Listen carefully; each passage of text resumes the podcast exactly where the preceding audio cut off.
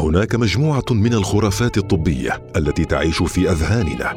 هنا سنتعرف على هذه الخرافات وأهم النصائح المتعلقة بها. أهلا وسهلا بكم.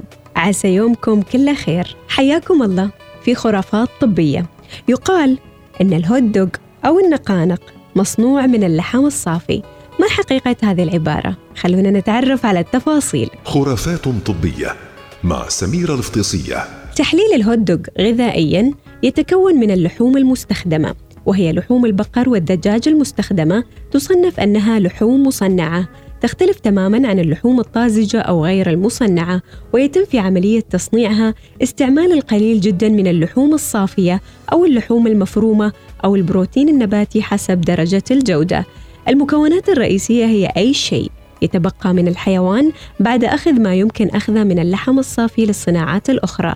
والمقصود بأي شيء يشمل أي شيء من غضاريف شحوم قطع عظام صغيرة أعصاب وأوعية دموية وبعدها يتم إضافة الدهون المشبعة المهدرجة لهذا المزيج. يتكون الهوت دوغ أيضا من الملح. الكثير من الملح فقطعة الهوت دوغ صغيرة الحجم تعطيك 20% من احتياجك اليومي من الملح. لكن من يكتفي بقطعة صغيرة؟ وكالة المعايير الغذائية البريطانية كشفت أن كمية الملح في النقانق بلغت حدا مثيرا للقلق على رغم المحاولات المشجعة للمصنعين كي يخفضوا مستوى الملح في صناعاتهم.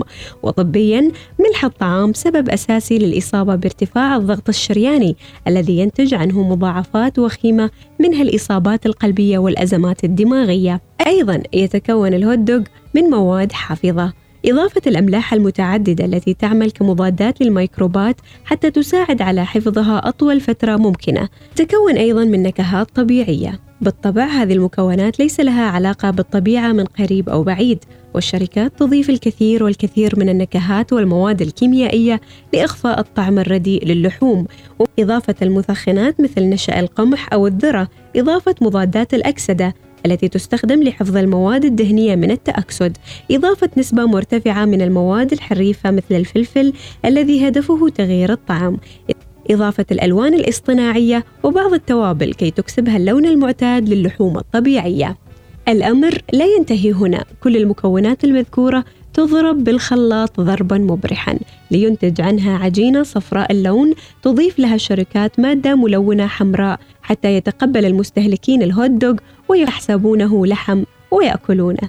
الهوت دوغ لا يصاب بالعفن والتخمر الذي يصيب الأغذية الطبيعية لأنه مليء بالمواد الحافظة فلا يستطيع أن يصيب الهوت دوغ. قصة الموضوع. إن كنت تظن أن الهوت دوغ مصنوع من اللحم الصافي فإنك مخطئ جدا. نسبة اللحم الصافي في الهوت دوغ قليلة جدا في أحسن الأحوال. إذا كانت الأغذية الرديئة قائمة فإن الهوت دوغ هو الاختيار رقم واحد في القائمة. خرافات طبية مع سميرة الفطيسية